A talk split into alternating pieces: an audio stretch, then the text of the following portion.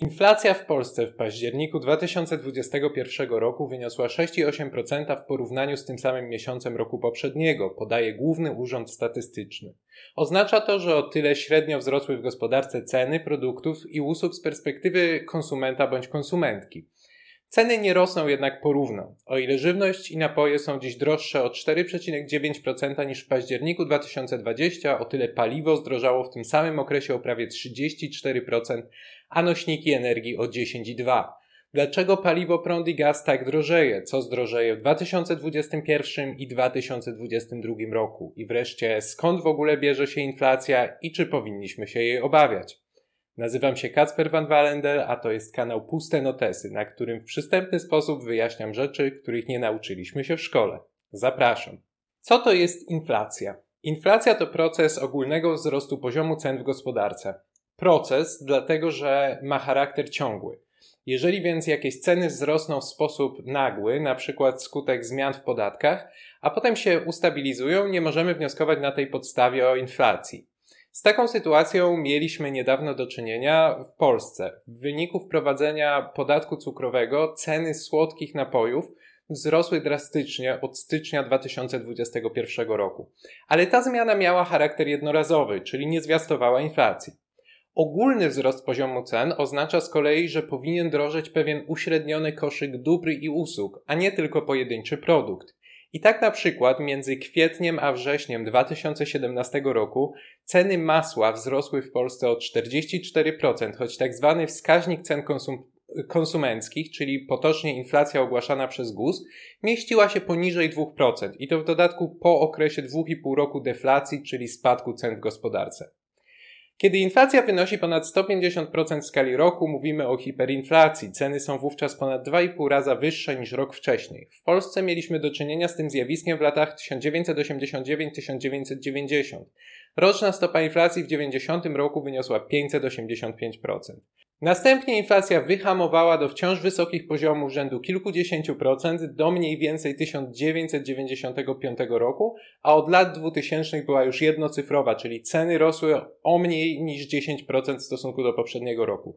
Tak jak wspominałem, na krótko w latach 2014-16 mieliśmy nawet deflację, czyli spadek ogólnego poziomu cen w gospodarce. Jednak nawet najgorsza inflacja utrwalona w pamięci zbiorowej w Polsce nie wytrzymuje porównania z tym, przez co przeszły Polki i Polacy w latach 1923-24, czyli niespełna 100 lat temu. Inflacja wynosiła wtedy 69 800%, czyli rok do roku ceny wzrosły 699 razy. Oznacza to, że jeżeli dziś martwi Was benzyna po 6 zł za litr, to spróbujcie sobie wyobrazić, że za rok za ten litr zapłacilibyśmy prawie 4200 zł, zaś chleb za 3,50 kosztowałby prawie 2,5 tysiąca złotych. Tego rodzaju hiperinflacja nie była w tamtym okresie unikatowa dla Polski. W Niemczech w tym samym czasie niektóre firmy wypłacały wynagrodzenia codziennie, aby nie zdążyły stracić na wartości, a ludzie jeździli do sklepów z taczkami pełnymi pieniędzy. Skąd się bierze inflacja? Istnieją trzy podstawowe teorie, jeśli chodzi o pochodzenie inflacji. Pierwsza z nich to teoria monetarna, druga to teoria popytowa, a trzecia to kosztowa. Ojcem pierwszej teorii jest Mikołaj Kopernik, który sformułował ją w 1526 roku na podstawie obserwacji zjawiska wzrostu cen, które miało miejsce w całej Europie. Stwierdził, że jest to związane z tym, że do Europy płynęła zwiększona ilość złota z hiszpańskich i portugalskich kolonii w Ameryce. Ta teoria oczywiście ma swoją wersję współczesną, a za nią odpowiada amerykański ekonomista z tak zwanej szkoły chicagowskiej Milton Friedman. Generalnie rzecz biorąc, o co chodzi w tej teorii monetarnej? Monetaryści twierdzą, że inflacja wynika z podaży pieniądza w gospodarce i w związku z tym jest problematyczne, jeżeli podaż pieniądza rośnie w gospodarce szybciej niż PKB. Podaż pieniądza, zdaniem monetarystów, kształtowana jest niezależnie od gospodarki. Odpowiada za nią bank centralny i jeżeli oglądaliście bądź oglądałyście mój film o stopach procentowych, to zapewne tutaj dzwoni wam dzwoneczek i przypomina wam się to, co mówiłem wtedy, y, czyli że ta działalność na przykład w Polsce Rady Polityki Pieniężnej y, działającej przy NBP polega na tym, że ustala ona stopy procentowe i za pomocą tych stóp procentowych bank centralny, czyli Narodowy Bank Polski, próbuje regulować poziom pieniądza w gospodarce. Jeżeli stopy procentowe są niższe, to ludzie są mniej chętni do tego, żeby oszczędzać pieniądze w bankach, ponieważ po prostu to, co dostaną na lokacie, czy na oprocentowanym rachunku oszczędnościowym jest mało atrakcyjne.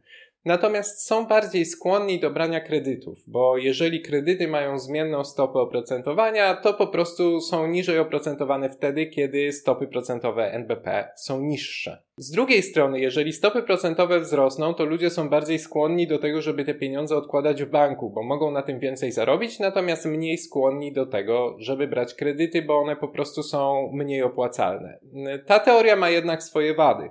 Bo jeżeli spojrzycie na rzeczywistość polską, to generalnie nie widać jakiejś korelacji pomiędzy podażą pieniądza w gospodarce nominalną, a wskaźnikiem cen tak zwanym CPI, czyli właśnie tą inflacją konsumencką, którą najczęściej raportuje na przykład Główny Urząd Statystyczny y, i który najczęściej jest komentowany w mediach.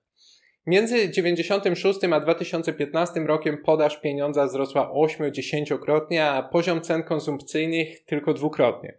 Z drugiej strony, monetaryści nie twierdzą, że każdy wzrost podaży pieniądza y, powoduje inflację, a jedynie ten, który nie jest umocowany we wzroście PKB. A w tym samym okresie polskie PKB wzrosło ponad czterokrotnie. Druga teoria to tak zwana teoria popytowa i ona jest związana z teoriami Johna Maynarda Keynesa. Twierdził on, że przyczyną inflacji jest taka sytuacja, w której popyt przekracza możliwości produkcyjne gospodarki. To znaczy, że ludzie chcą kupić więcej towarów i skorzystać z większej liczby usług niż to, co ta gospodarka jest w stanie w danym momencie zaoferować. Możecie sobie łatwo wyobrazić to na przykładzie takiej małej, zamkniętej gospodarki, w której mieszka na przykład 100 osób i jest jeden piekarz, a te osoby chcą kupić 120 bochenków chleba, podczas gdy możliwości produkcyjne tego piekarza wynoszą powiedzmy 100 bochenków chleba. Cena za bochenek chleba będzie rosła, ponieważ po prostu konsumenci i konsumentki będą się licytować na to, za ile są skłonni kupić ten towar. To zjawisko Keynes nazywał luką inflacyjną. Jeżeli ceny rynkowe kształtują się swobodnie, to ta luka pomiędzy popytem na dane dobro, a możliwościami produkcyjnymi gospodarki to jest właśnie luka inflacyjna. Mimo, że monetaryzm i keynesizm są y, konkurencyjnymi nurtami w ekonomii, teorię popytową można dość łatw, ładnie skomponować z teorią monetarną i powiedzieć, że luka inflacyjna może występować dzięki zwiększeniu podaży pieniądza w gospodarce. Jeżeli ludzie mają więcej pieniędzy ze względu na właśnie te instrumenty, y, które zniechęcają ich do oszczędzania, a zachęcają do natychmiastowej konsumpcji oraz do brania kredytów, to ich możliwości w zakresie popytu mogą rosnąć szybciej niż możliwości gospodarki w zakresie produkcji. I to jest spójne z tym, co monetaryści mówili, że podaż pieniądza w gospodarce powinna rosnąć na poziomie odpowiadającym wzrostowi PKB. Z punktu widzenia Keynesa to nie było takie oczywiste. Zwiększenie podaży pieniądza w gospodarce nie jest jedynym możliwym wytłumaczeniem tego zwiększonego popytu. Może być tak ze względu na, e, na to, że na przykład rosną wydatki rządowe czy inwestycje. I wreszcie mamy do czynienia z teorią kosztową inflacji. Kosztowa teoria inflacji zakłada, że przyczyną inflacji jest wzrost kosztów, który jest niezależny od popytu e, na towary i ten wzrost kosztów może wynikać z bardzo różnych przyczyn. Może być zupełnie niezależny od danej gospodarki narodowej, czyli e, zdarza się, że za granicą rosną koszty surowców, bądź też, że czynniki polityczne, czynniki naturalne, takie jak kataklizmy, susze czy powodzie, podnoszą koszty produkcji. E, a producenci będą te koszty przerzucali na ostatecznych konsumentów. Żeby podać tutaj przykład, z którym mamy do czynienia. W Polsce rosną ceny benzyny, ponieważ wzrosły ceny ropy naftowej na rynkach światowych. Polskie spółki naftowe nie zdecydują się przecież e, jednostronnie na to, że mimo tego e, będą sprzedawać benzynę po dawnych cenach, skoro wzrosły ponoszone przez nie koszty produkcji. Specyficznym rodzajem inflacji kosztowej jest inflacja y, tak zwana płacowa, czyli sytuacja, w której tempo wzrostu płac będzie przewyższać tempo wzrostu wydajności pracy. Czyli zarobki rosną szybciej niż to, co wykonujący daną pracę są w stanie wyprodukować. Z drugiej strony może istnieć analogiczna inflacja wywołana przez zyski, to znaczy kiedy firmy będą próbowały zwiększać swoją marżę zysku bez względu na to, że nie rośnie popyt. Inaczej niż w teorii popytowej, gdzie cena rośnie dlatego, że po prostu popyt przewyższa możliwości gospodarki, tu może być tak, że inflacja jest wywoływana przez dążenie przedsiębiorców do zwiększania swoich zysków. Te dwa rodzaje inflacji kosztowej, czyli płacowa i wywołana przez zyski, prowadzą do tak zwanej spirali inflacyjnej. To teoria Johna Kennetha Galbraitha i zgodnie z nią w rozwiniętej kapitalistycznej gospodarce mamy do czynienia z dwoma y, grupami interesów, to znaczy pracodawcami z jednej strony i związkami zawodowymi reprezentującymi pracowników z drugiej strony. Pracodawcy kontrolują swoje ceny, czyli ceny sprzedawanych przez siebie wyrobów, a związki zawodowe swoje ceny, czyli ceny siły roboczej. W związku z tym pracodawcy, y, którzy są też producentami, chcą zarabiać jak najwięcej na każdej jednostce, a związki zawodowe chcą, żeby w związku z rosnącym poziomem cen rosły również wynagrodzenia pracowników, bo pracownicy są konsumentami. Pracodawcy generalnie są skłonni do tego się przychylać, ponieważ wiedzą, że te podwyżki kosztów pracy są w stanie przerzucić na konsumentów. Kiedy to zrobią, to pracownicy będą żądać jeszcze większych podwyżek, a producenci będą jeszcze bardziej chcieli zwiększać zyski. I tak w kółko. Dlatego mówimy e, w tym przypadku o spirali. Należy sobie zadać pytanie, czy to ma w ogóle jakiekolwiek odzwierciedlenie w takiej gospodarce jak Polska, gdzie współcześnie rola związków zawodowych jest dość ograniczona.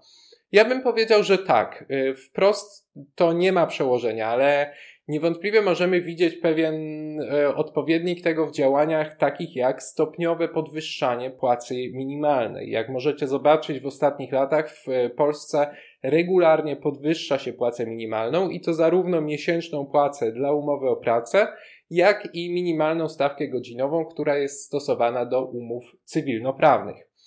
I te wzrosty wynagrodzeń odbywają się oczywiście po stosownych konsultacjach z reprezentacjami tak pracowników, jak i pracodawców, którzy ostatecznie generalnie na te podwyżki się godzą. Nie oznacza to jednak, że pozwolą sobie na to, żeby zmniejszała się ich marża. Chcą oczywiście swoją marżę utrzymywać na co najmniej tym samym poziomie, a być może nawet ją zwiększać. W związku z czym doprowadzają do dalszego wzrostu cen, który znów stronę pracowniczą motywuje do tego, żeby domagać się większego wzrostu płac, w tym płacy minimalnej. Nie jest to w 100% analogiczny mechanizm, ale ma pewne cechy wspólne. Dlaczego w Polsce wszystko drożeje? Żeby zrozumieć, dlaczego w Polsce rośnie inflacja, wróćmy do tego, co powiedziałem na początku odcinka, czyli do wskaźnika cen konsumpcyjnych, czyli tej inflacji z punktu widzenia konsumenta. Żywność i napoje są dzisiaj droższe o niecałe 5% niż rok temu, natomiast paliwo w tym samym okresie zdrożało prawie 34%, nośniki energii o ponad 10% i o czym to świadczy? O tym, że drożeje przede wszystkim paliwo, prąd i gaz. Ceny energii to podstawowy czynnik odpowiadający za inflację w Polsce. Dlaczego paliwo drożeje? Benzyna i olej napędowy drożeją przede wszystkim ze względu na wzrost cen ropy naftowej na rynkach światowych.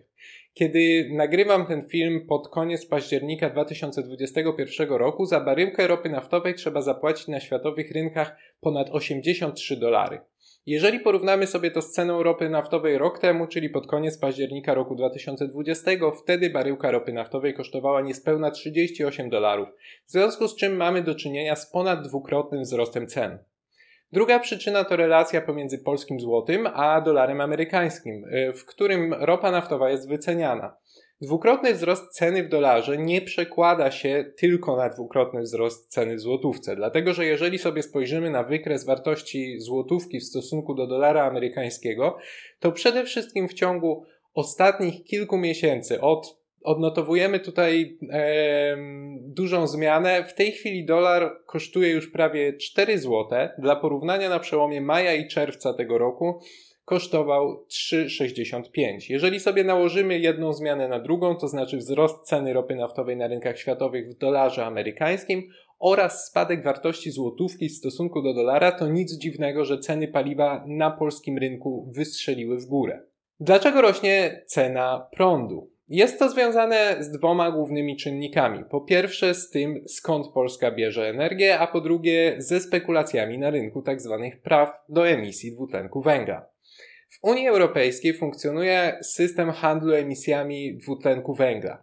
Chodzi o to, że w ten sposób stwarza się bodziec ekonomiczny dla producentów energii związanej z mniejszą bądź zerową emisją dwutlenku węgla. Jeżeli dane przedsiębiorstwo w procesie produkcji energii chce korzystać z technologii, które emitują CO2, to musi zgodnie z prawem posiadać prawa na odpowiednią wysokość emisji. Jak wiecie, w Polsce zdecydowana większość energii produkowana jest z węgla, w związku z tym jest wysokoemisyjna i ta niepostępująca dostatecznie szybko transformacja energetyczna polskiej gospodarki powoduje, że jest ona silnie zależna od posiadania właśnie tych praw do emisji.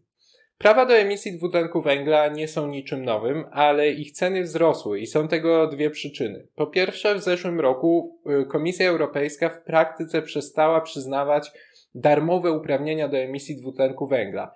I takie porównanie, które tutaj podam, to że jeszcze w 2019 roku największy polski producent prądu, czyli PGE, dostał darmowe uprawnienia na prawie 12 milionów ton dwutlenku węgla i podobnie było w latach poprzednich, bo na przykład w 2018 roku to było 14 milionów ton. Natomiast w roku 2020 jedynie 681 tysięcy, czyli mamy tutaj do czynienia z kilkunastokrotnym zmniejszeniem liczby tych darmowych uprawnień do emisji. Produkujący generalnie energię z węgla PGE musi kupować te uprawnienia na rynku, czyli na takiej giełdzie zwanej European Energy Exchange. Nie jest to jednak jedyne wyjaśnienie wzrostu cen. Drugim czynnikiem, który ma tutaj znaczenie, jest to, że w tym roku fundusze inwestycyjne zostały dopuszczone do udziału w aukcjach uprawnień na emisję dwutlenku węgla. To znaczy, że zaklasyfikowano te prawa do emisji dwutlenku węgla jako instrumenty finansowe, a to oznacza, że tak jak wszystkie inne instrumenty finansowe, zaczęły one podlegać spekulacjom. Nie jest już więc tak, że jedynymi podmiotami, które tymi prawami do emisji handlują, są producenci energii. Są nimi również instytucje finansowe. Dlaczego rośnie cena gazu? W największym skrócie dlatego, że rośnie popyt na niego. I jest to związane z tym, że część krajów w związku z rosnącymi kosztami produkcji prądu z węgla stosuje dodawanie gazu bądź zwiększanie udziału tego gazu w tak zwanym miksie energetycznym, czyli po prostu zestawie sposobów wytwarzania energii elektrycznej w danym kraju. W Polsce w tej chwili mamy do czynienia z budową kilku elektrowni gazowych, a to i tak jest nic w porównaniu z tym, co zrobiły Niemcy które jednocześnie przy dekarbonizacji gospodarki, czyli odchodzeniu od y, elektrowni węglowych, postanowiły odejść od elektrowni jądrowych. W związku z tym przestawiają się teoretycznie na odnawialne źródła energii, ale odnawialne źródła energii charakteryzują się tym, że nie są w stanie zapewnić takiego poziomu stabilności w sieci. Dlatego Niemcy muszą mieć też jakieś zabezpieczające źródło energii i postawili na gaz. Z drugiej strony mówi się, że po stronie podażowej występują czynniki takie jak manipulowanie podażą gazu przez Gazprom.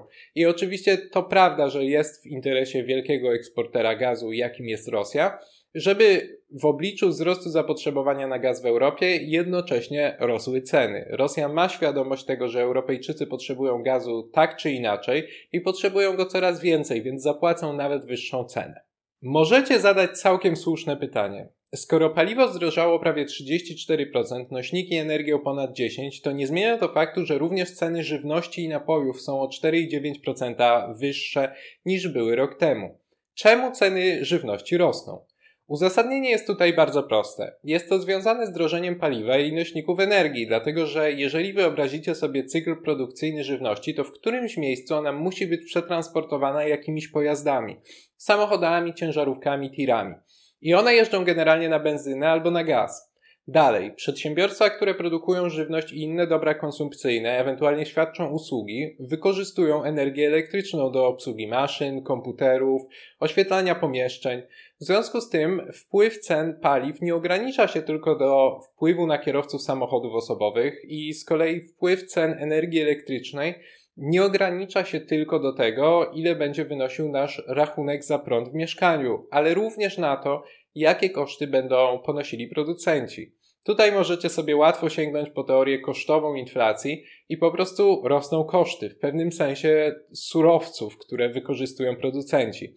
Natomiast producent nie jest zainteresowany tym, żeby obniżyć marżę, zwłaszcza, że istnieje także presja na to, żeby dostosowywał wynagrodzenia do wzrostu cen. W ten sposób nam się to wszystko nakręca i nie da się wyróżnić tutaj jednego czynnika, ale na pewno te czynniki zewnętrzne o charakterze kosztowym, czyli ceny ropy naftowej, gazu, praw do emisji CO2, mają największy wpływ na to, jak w tej chwili wygląda w Polsce inflacja i dlaczego te ceny aż tak rosną. A co z inflacją w innych krajach europejskich? W krajach strefy euro w październiku 2021 roku szacowana przez Eurostat inflacja w porównaniu z październikiem roku poprzedniego wynosi 4,1% i również jest to wzrost w stosunku do września, kiedy było to 3,4%. Znów w porównaniu z wrześniem roku poprzedniego. E, tak jak widzicie, są to inne poziomy wzrostów cen niż w Polsce, natomiast mamy tutaj też do czynienia ze strefą euro, która generalnie cechuje się niskim poziomem inflacji i również niskim poziomem stóp procentowych. Dlatego te dane są tak zaskakujące.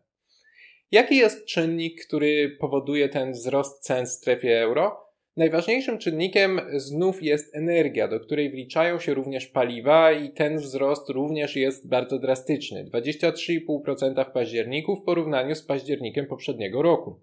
Dla porównania żywność, alkohol i tytoń mają inflację na poziomie 2%, usługi 2,1%, a inne produkty przemysłowe również 2%. W poszczególnych krajach strefy euro media i niektórzy ekonomiści również biją na alarm i tak na przykład inflacja w Niemczech dobiła do 4,5% rocznie jest to najwyższy poziom inflacji od 1993 roku, czyli od 28 lat. Jeśli chodzi o to, co zdrożało, to przede wszystkim ceny energii o 18,6%, ale żywność podrożała o 4,4%, towary o 7%, usługi o 2,4%, a czynsz o 1,4%.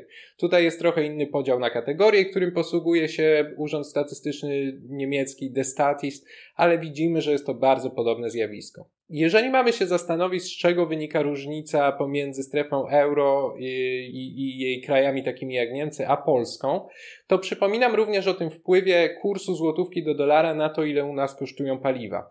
A w związku z tym to potencjalnie przekłada się też na cenę innych produktów. Jeśli chodzi o relację między euro a dolarem, to ta zmiana również tutaj nastąpiła i nastąpiła w bardzo podobnym okresie, czyli mniej więcej osłabianie się euro w stosunku do dolara zaczęło być widoczne na przełomie maja i czerwca tego roku. Natomiast ten trend jest tak mniej więcej dwa razy słabszy niż w przypadku relacji między złotówką a dolarem. To znaczy, owszem, euro straciło do dolara, ale jednak straciło mniej więcej dwa razy mniej yy, niż złotówka straciła do dolara w tym samym okresie.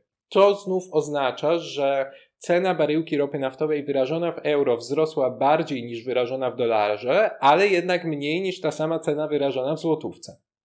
Jeśli chodzi o to, jak inflacja w Polsce wygląda na tle inflacji w innych krajach Unii Europejskiej w naszym regionie, które podobnie jak Polska nie posługują się euro, to dla porównania możemy sięgnąć po następujące kraje: Węgry, Czechy, Rumunię i Bułgarię.